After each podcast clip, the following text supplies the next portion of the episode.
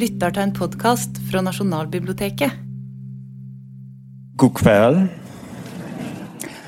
Og takk for at dere inviterer meg til å være her ved en helt spesiell anledning.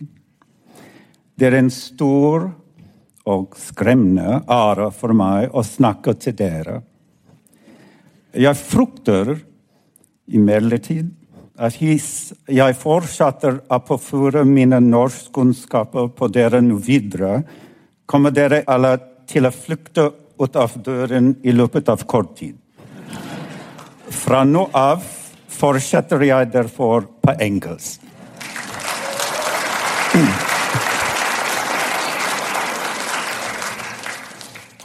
As you can see, I have chosen to begin my remarks this evening with a brazen attempt at what Roman teachers of rhetoric called a captatio benevolentiae, a bid to win over the audience's goodwill. In this case, by reminding you all that I have become, over the years, one of the company of Norske Venner, however terrible my accent may be. But then, how could I not resort to such an obviously desperate gesture? When Erling Sandmo approached me last winter about speaking on the occasion of the opening of the National Library's new Center for Historical Maps, I was flattered, of course, but also a bit nonplussed. I like to think that I'm a person of wide interests and expertise in a few subjects, but I confess that my knowledge of maps is probably no greater than most people's. When I think back to the days of my childhood, when before my family would embark on a road trip to some exotic destination, Washington, D.C., for example, my father would make his ritual consultation of the giant spiral bound road atlas peering at the web of interstate highways and rural routes as if he were a doctor evaluating the state of some elderly patient's veins and arteries, carefully analyzing the possible routes, weighing the ostensible efficiency of a major highway against the dread possibility of traffic. And finally, tracing in his red magic marker the route he had decided was best. When I think back to those days, now in the era of the self driving car, it seems like something out of ancient history. Ancient history is, in fact, one thing I do know about. And it occurred to me soon after Erling invited me to speak, an invitation I happily accepted more as a fen of Norja than as a fen of Cart, that it was my connection to antiquity that, in his eyes, must have qualified me to speak to you all tonight. Not, I hasten to add, that I am an authority on ancient maps, even, although as a classicist, I have inevitably had to deal with maps, since both cartography and map making had reached quite sophisticated heights by Greek and Roman times. The seemingly innate impulse to chart our place in the world, which is the root of all map making, is well attested in classical Mediterranean antiquity, from the early ep- earliest epics about the Trojan War, which dates to the 7th century BCE and which show a great interest in the spatial relationship between Greece and Africa and Egypt and Asia, to the sophisticated mathematical calculations of the scholars of the Library of Alexandria, who, 200 years before the birth of Christ, had figured out already that the form of the earth was a globe, and who had indeed calculated the circumference of our planet with an astonishingly high degree of accuracy. So, when one is a classic scholar, one runs across maps. And indeed, the etymology of the English word map is the Latin word mappa, which meant a tablecloth or a napkin, a homely substance, the material on which the Romans of classical and later eras drew or painted or embroidered their images of the world and its topographies, just as the word for map in virtually every European language, including Norwegian, is derived from the Latin word carta, paper, another material on which one could draw a picture of the world, of a nation, a city, or indeed of places that may not even exist Atlantis and Asgard, heaven and hell. Still, lest I give the mistaken impression that in the Greco Roman world has some special ownership over maps and map making, the way it does over other concepts such as democracy and, perhaps more to the point now, demagogy, it is worth pointing out that the human endeavor to represent geography pictorially goes back to a vastly earlier era in time than the Greeks and Romans. What is possibly the first extant map is a series of carvings of rivers, mountains, and trees on the tusk of a woolly mammoth dating to 25,000 BCE and unearthed in what is now the Czech Republic. In the caves of Lascaux in France, there are maps dating to about 14,500 BC. In the caves of El Castillo in Spain, there are maps a few thousand years younger than that. So by the time a Babylonian scribe scratched a map of a river valley between two hills on a piece of clay in around 2400 BC, a tablet that bears a written inscription identifying a certain plot of land as belonging to a man named Azala. All this, remember, a millennium and a half before our clever Greeks and Romans, with their calculations and their spheres, even existed. Map making was a very old business indeed. It's worth pausing here to point out that some of these earliest of maps were attempts to chart not the earth and its territories, but the heavens. They are star maps. The Lascaux paintings of 14,000 BC clearly identify stars such as Vega, Altair, and Deneb, the so called summer cluster, as well as the constellation of the Pleiades, a constellation about which Sappho, 11 millennia after the cavemen of Lascaux painted their maps, would compose a poem. The El Castillo maps of 12,500 BC depicts the corona borealis. I find it touching to think today in the space age of those distant astral origins of cartography. Indeed, if we were to make a map of the trajectory of human civilization from its most primitive moment to the present day, you could use our eagerness to plot the stars as key points. From those cave paintings of the Stone Age, when human eyes were already drawn irresistibly away from the earth, to 2019, when, as many of you I am sure read about, an array of powerful telescopes around the globe allowed scientists for the first time to actually see a black hole to put it confidently, one might say, on the map.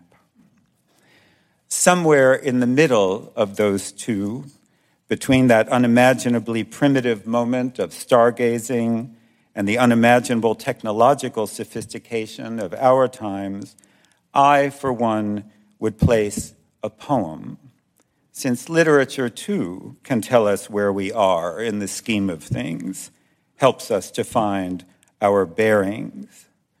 That poem is Dante's great masterpiece, The Divine Comedy, La Divina Commedia, which takes place in the year 1300 AD and which can surely be described as a grand and grandiose map, a map of the journey of the human soul and each one of its three possible destinations hell, purgatory, and paradise all described by the great Florentine poet as a place with a geography and a topography, with mountains and rivers and lakes, volcanoes and ditches and valleys, all described in exhausting detail in the three major sections or canticles that make up the great medieval epic Inferno, Purgatorio, Paradiso, each canticle ending, I may as well point out, on the Italian word stelle, stars. In poetry, as on the high seas, it would seem, we are always finding our way by using the stars. It is this idea of a metaphorical, imaginary maps that I would like to think about a bit more this evening. For this surely has to be why Erling Sandmo invited me. As you have heard, I'm not merely a classicist, but a classicist who has a particular interest in Homer's Odyssey, a work that more than any other epic is preoccupied with geography, with figuring out where things are. Indeed, you might say that figuring out where you are, the ability to orient oneself correctly, is the main plot point of the Odyssey, as they like to say in Hollywood. And indeed, the word orienting, it's worth mentioning in this context tonight, itself calls attention to the way in which language itself is ultimately a kind of a map. Relying on it does so insistently on spatial metaphors. For what does orient mean but the east, the place where the sun rises, Orior, the place where you look to reassure yourself that the world is still spinning on its axis as those Alexandrian Greeks already knew it did. Now, the Odyssey, as many of you know, is a 12,000 line epic about a man in need of a map. A man who is lost and has spent 10 full years trying to get home a dilemma that even my father, with his taste for atlases and road maps, for working out the circulatory systems of towns, counties, states, and countries, is unlikely to have been able to solve. Its hero travels from places that were well charted to places hitherto unknown or unvisited, the kinds of places where, on maps of the early modern era, cartographers would write simply, Here be monsters, which is to say that the terrifying nothingness, that is, all the places we cannot or do not know, cannot chart or quantify or illustrate, is also a fertile site for the activities of the imagination. What we cannot map necessarily belongs to fantasy and fiction. The tension between fact and fiction actually animates the fabulous voyages described in Homer's Odyssey. There was a convention of archaic Greek epic in which the poem is narrated by the bard, a professional reciter of epic verse who derives his authority from the muse who is invoked in the very first line of the poem. Tell me the tale of a man, muse, the one who had such twisty ways to twander adrift once he had sacked the sacred citadel of Troy.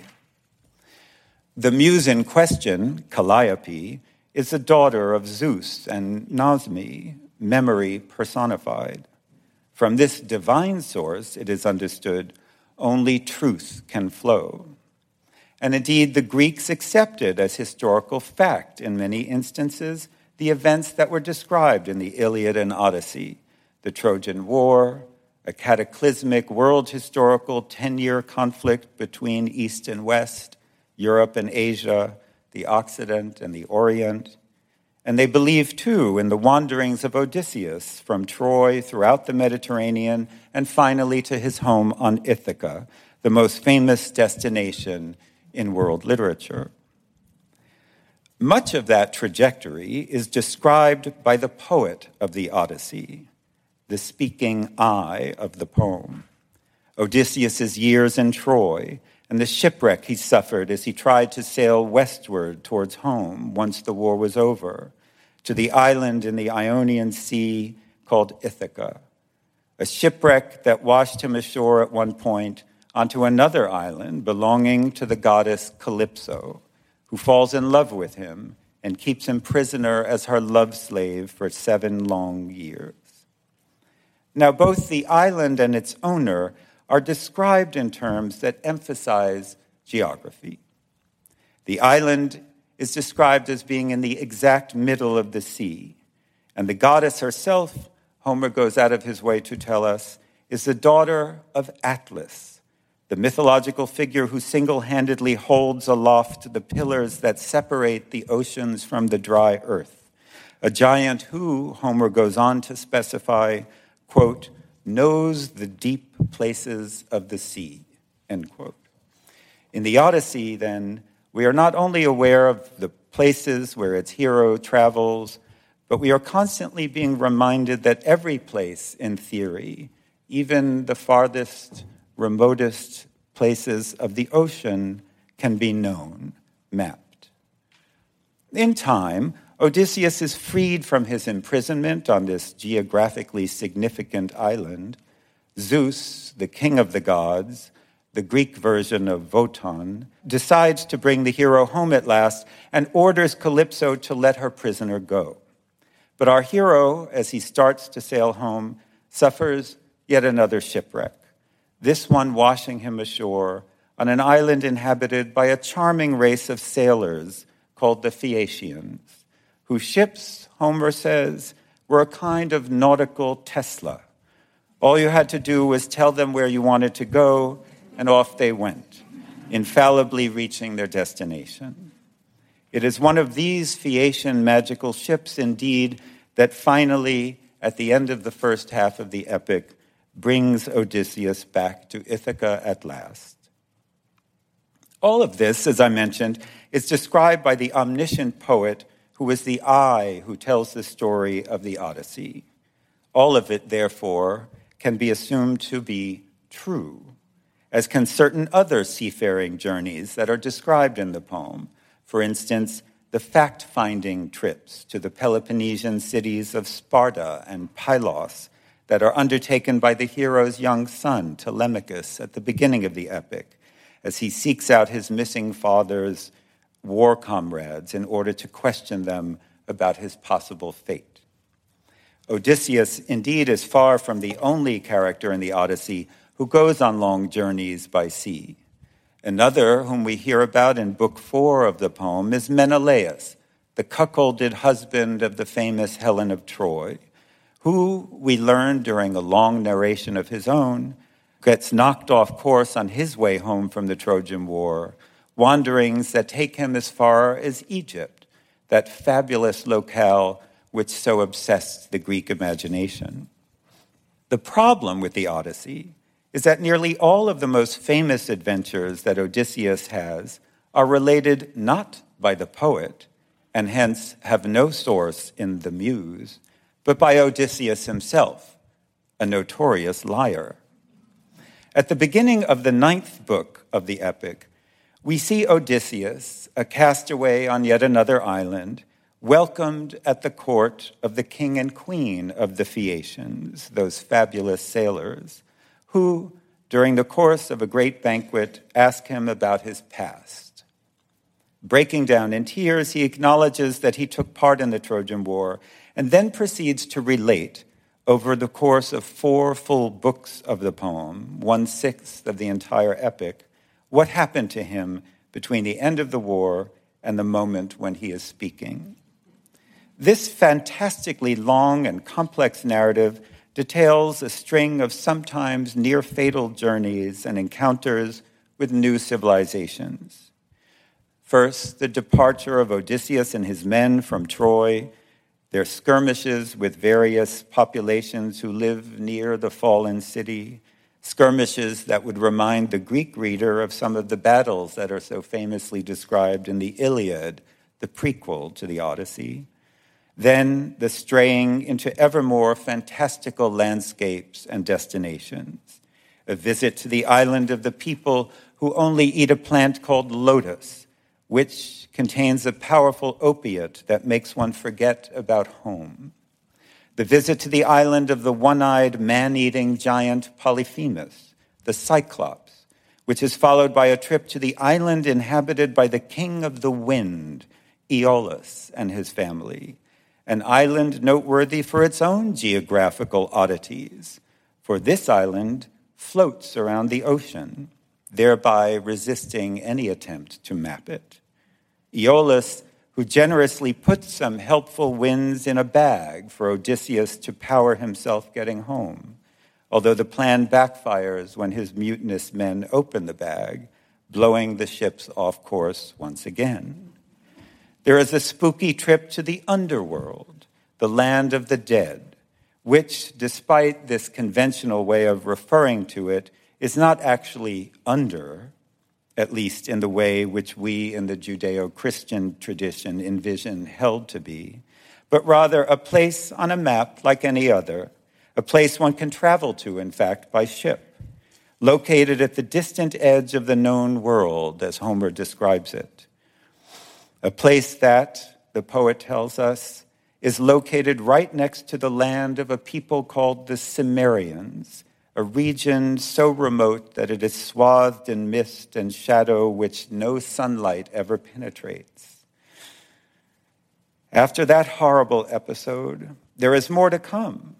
The hero's terrifying encounters with a whirlpool called Charybdis, which sucks down a vast stretch of water three times daily and then regurgitates it back up and with the flesh eating monster called Scylla, who hides in a cave by a narrow strait and lashes out with one of her six heads at passing sea traffic, wolfing down whatever sailors she can capture. And finally, the shipwreck that lands him and his men on the island called Thrinakia, an island where the sacred and magical cattle that belong to the sun god Hyperion graze cattle that Odysseus has been warned never to touch under any circumstances, an order later violated by his men, who all are killed as a result. I imagine that anyone who has ever caught a fish will recognize a pattern in this brief summary of some of the most famous adventures in world literature, which is to say, the way in which, as the narrative goes on, it gets bigger, more detailed, and more fantastical, more, let us just say it, fictional. Halfway through Odysseus's tale, in fact, the king of the Phaeacians, who up until this point has, in fact, along with his wife and court, been listening wordlessly, spellbound by Odysseus's tale, interrupts the speaker in a very peculiar way. Odysseus, Alcinous the king declares, we who behold you here do not at all judge you to be a cheat or a swindler, like so many others whom the black earth nurtures. Such men are strewn throughout the world, weaving lies that derive from a place that no one can see. But you have a fine grace in speaking. In you dwells a noble mind. It's a bizarre interjection an example, perhaps, of protesting too much, as we say. Just why, you wonder, does everyone need to be reassured at this point that Odysseus is not one of those cheats and swindlers, the many men who weave lies that come from places no one can see? I want to draw your attention to the curious phrase that Homer uses to describe the places where lies and preposterous tales originate the place that no one can see. What strikes me as significant is the spatial and indeed cartographical metaphor at work here. The assumption is that places that we know about, that have, as it were, been mapped, cannot produce lies, since anyone could presumably verify them. But places that cannot be seen, that are, as it were, off the map, as we like to say, can be lied about, can be the subjects of fiction, can contain anything, and therefore produce anything. Any kind of story, any kind of lie. Here be monsters. And in fact, there was a long tradition among ancient Greek intellectuals of being suspicious of places that were literally and figuratively off the map, precisely because such unmapped territories could be covers for the most preposterous lies and inventions. Writing in the 400s BCE, Herodotus, known as the father of history, but also fiercely interested in geography and topography, complains at one point that certain myths about the geography of the seas simply, quote, cannot be subjected to verification, end quote, because the bodies of water these myths describe are beyond the reach of human exploration. 200 years later, a scholar called Eratosthenes, the head of the Library of Alexandria and his era's most famous geographer, argued that Odysseus's voyage had been real, but that Homer had moved their locales into some vague ocean. Because after all, and sailors throughout history would agree, from the Greeks to the Norwegians, the vast and unknown expanses of the ocean are what Eratosthenes calls eucatapauston, easy to lie about. Another way of saying this is that what we don't know is often the source of what we imagine, both good and bad. Gaps in science are precisely where art is born. But the problem for the ancient Greeks was, as I have mentioned, that Homer's poems were considered by many to be true, to be poetic accounts of historical events, persons, and places. It was for this reason that throughout antiquity, a staggering amount of time and intellectual energy went into proving the veracity of Homer's poems, particularly with regard to their geography. The single greatest literary critical debate of the ancient world was, in fact, about precisely where on the real map Odysseus' adventures took place. A debate that, as I myself know too well, has continued to the present day. An early generation of ancient scholars insisted that Odysseus' adventures had taken place in the Western Mediterranean, and they constructed elaborate theories that literally mapped the tales of the poem onto known places. Hence, for example, the island of the kindly and helpful Phaeacians with their self driving ships was identified with Corfu in the western Greek Sea, while the land of the Cyclops was identified with a spot near Mount Etna on Sicily, the volcano whose rumblings were thought to be the bangings of those giant creatures as they helped the god Vulcan, the god of smiths, to forge his weapons deep in the heart of the mountain.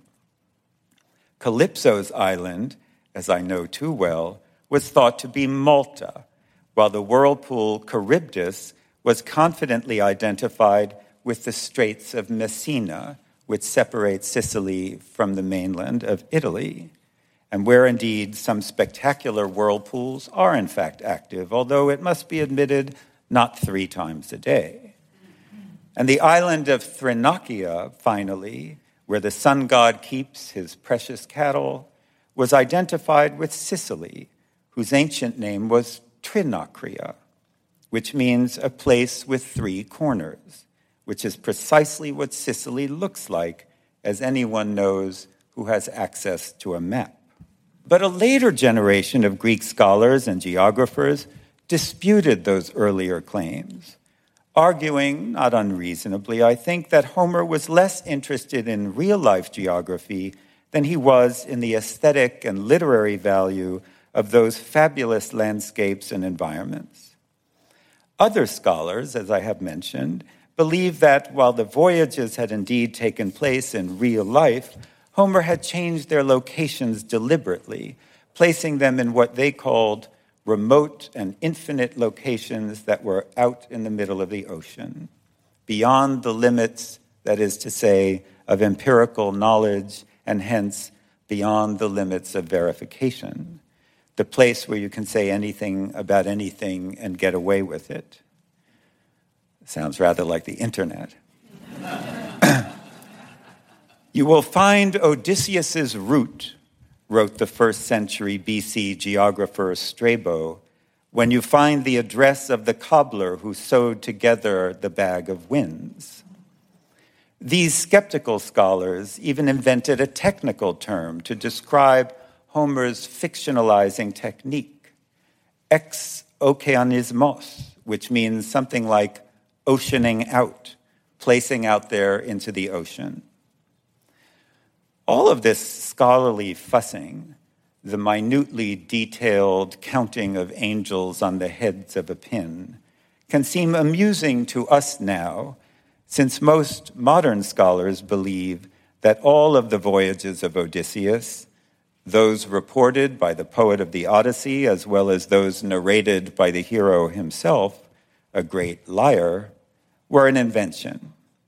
As far back as the late 19th century, more than one English scholar was dismissing the locales mentioned by Odysseus in his long self narrative as nothing more than a wonderland, a term it is hard to resist speculating that had gained currency in Britain at the time because of Lewis Carroll's 1865 publication of Alice in Wonderland, a very Odyssean text indeed.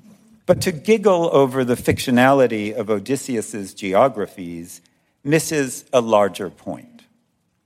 However fictional the wanderings it depicts, the Odyssey itself is in fact a very accurate map of something in precisely the way that works of literature can in fact be maps. What Homer's epic does chart very precisely, what it is a beautiful picture of, is not a place, but rather the mind of the culture that produced it. We know that in the 8th and 7th centuries BCE, there was increased shipping traffic throughout the Mediterranean.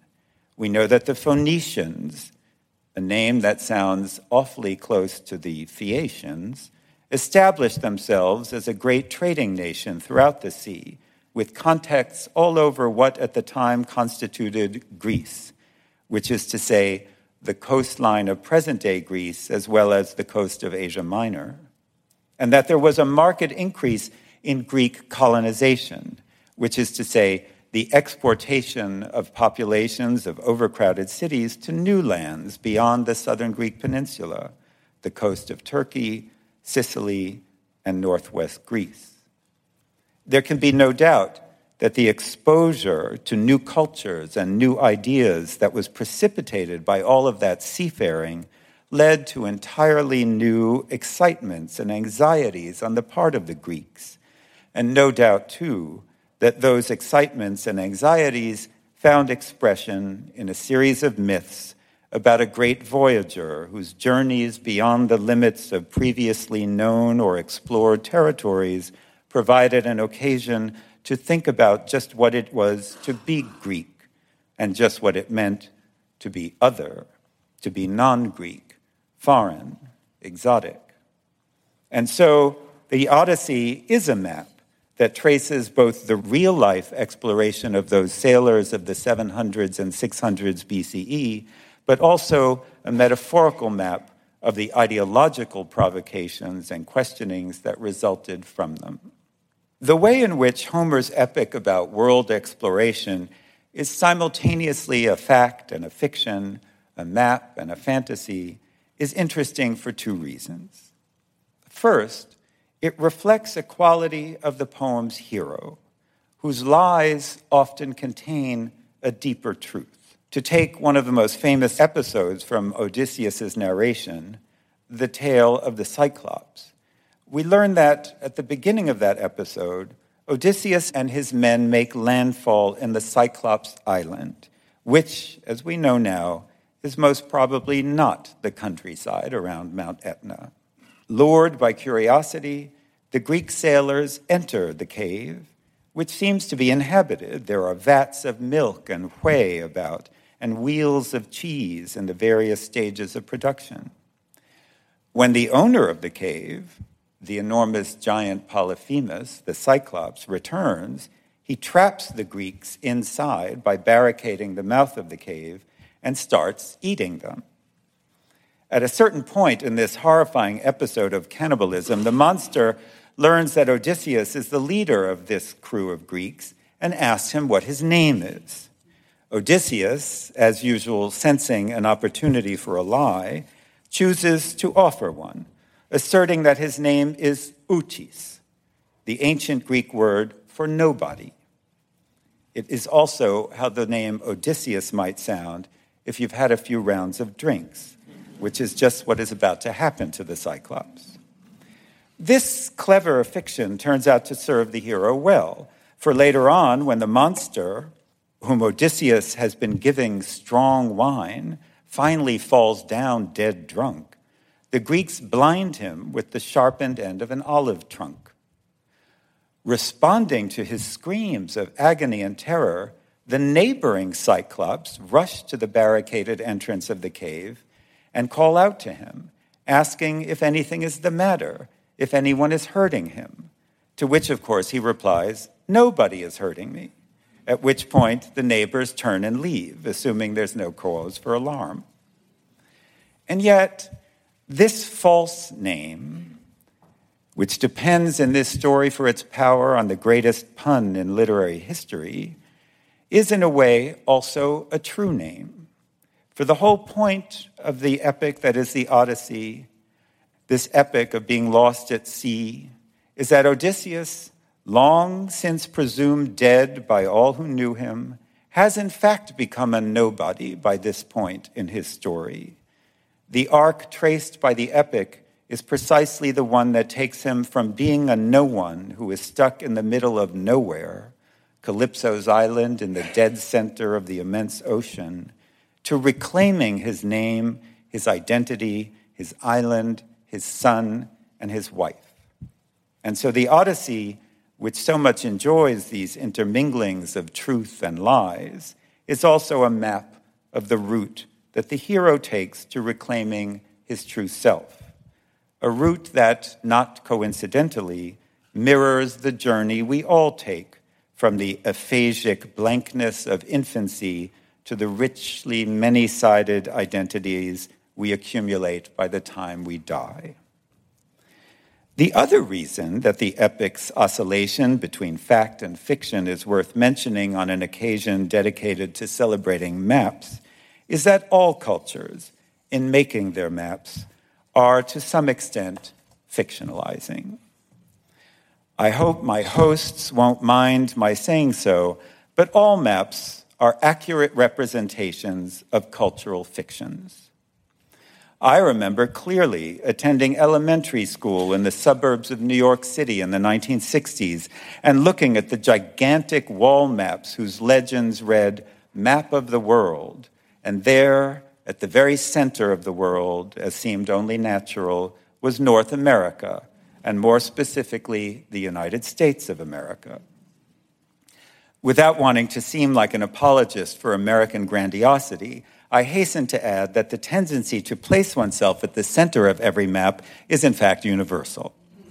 The Greeks certainly thought that they were at the center of everything.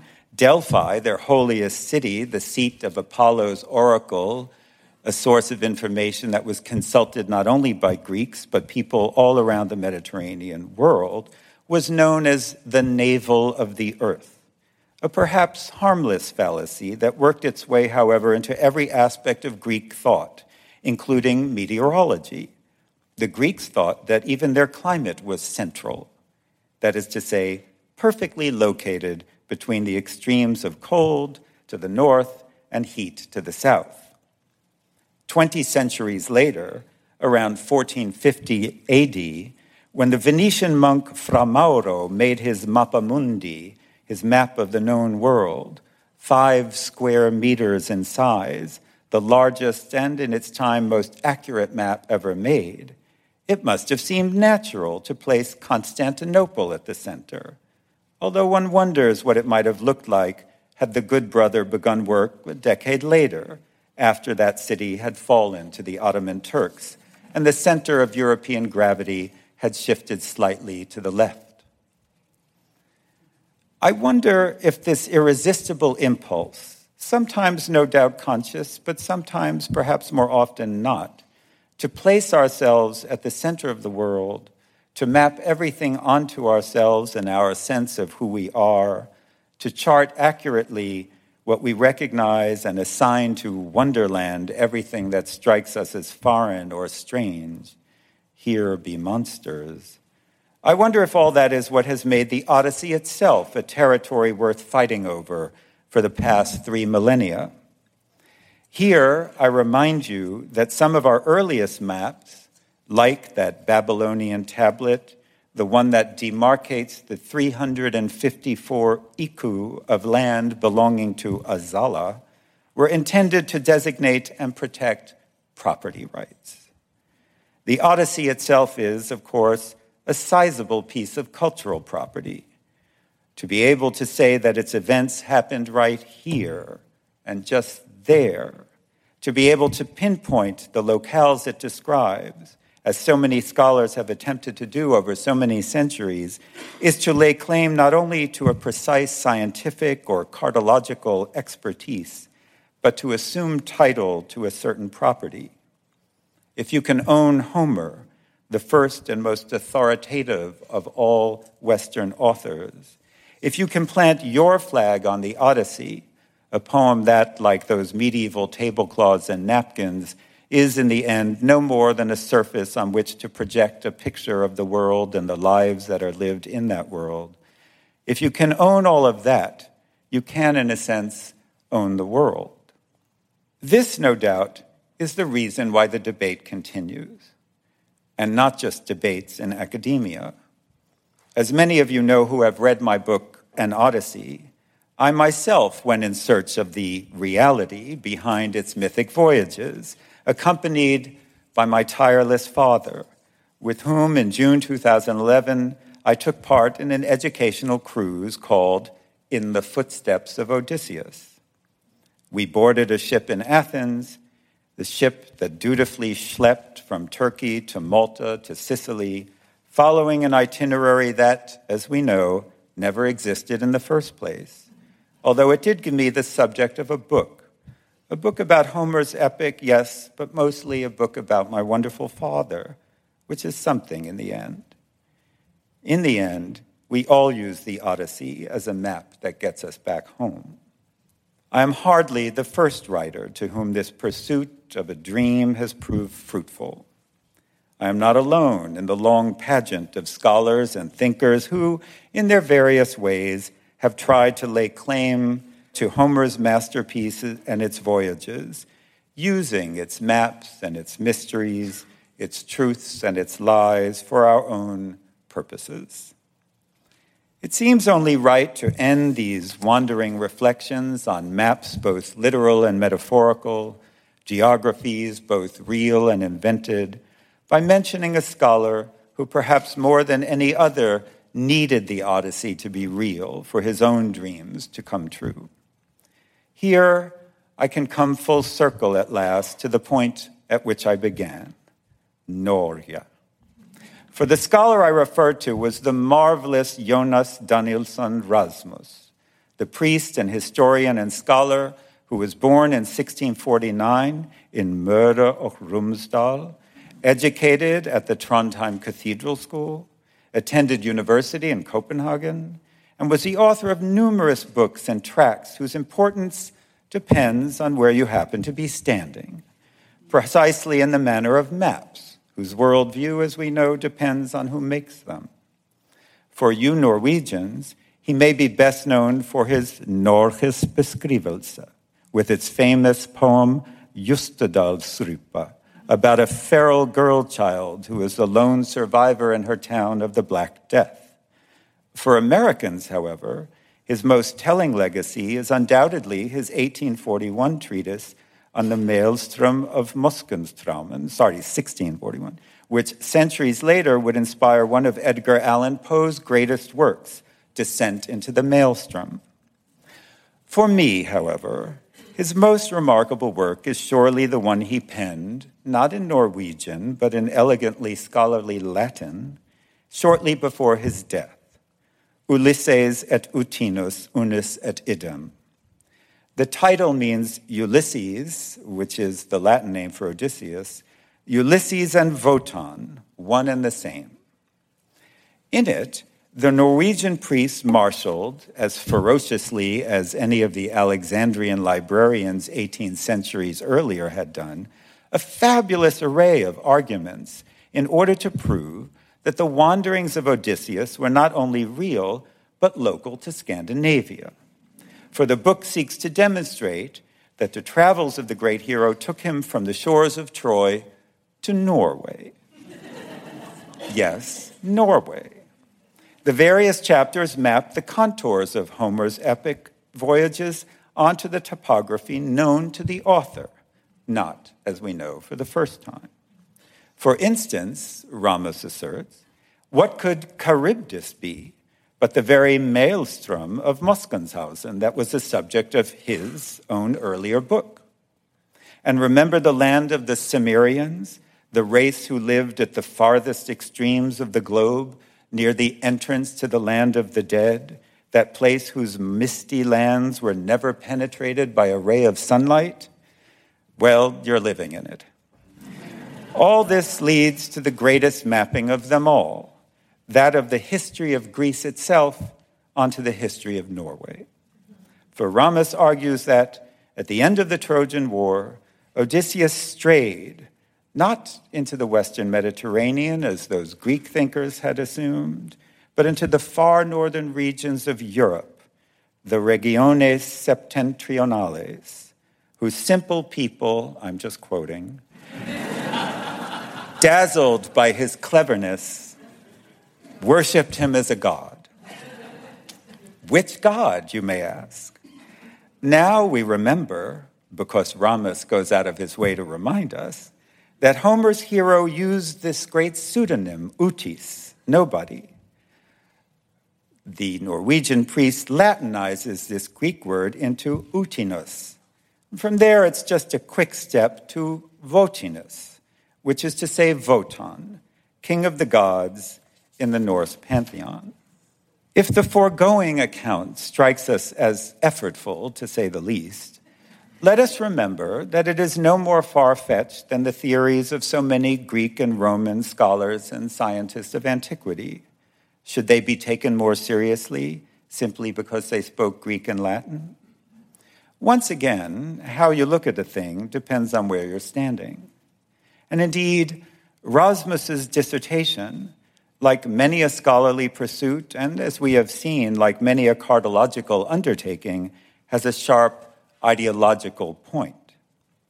For if Homer's Odysseus arrived all those centuries ago in this region when its people and culture were already in place, then it has to follow that the Norwegians are a race as great and ancient as every other. Our origins, Jonas Ramus pride, proudly wrote in the preface of his magnum opus, one of the many works of world literature, mine included, that strives to map itself onto the greatest of all epics of wandering and discovery, reorientation and repatriation. Our origins, he wrote, can compete with those of the Romans, nay, with the Greeks themselves, even with the Trojans in their antiquity. Standing here in this room, in this institution, on this night in this city, who am I to disagree? Thank you.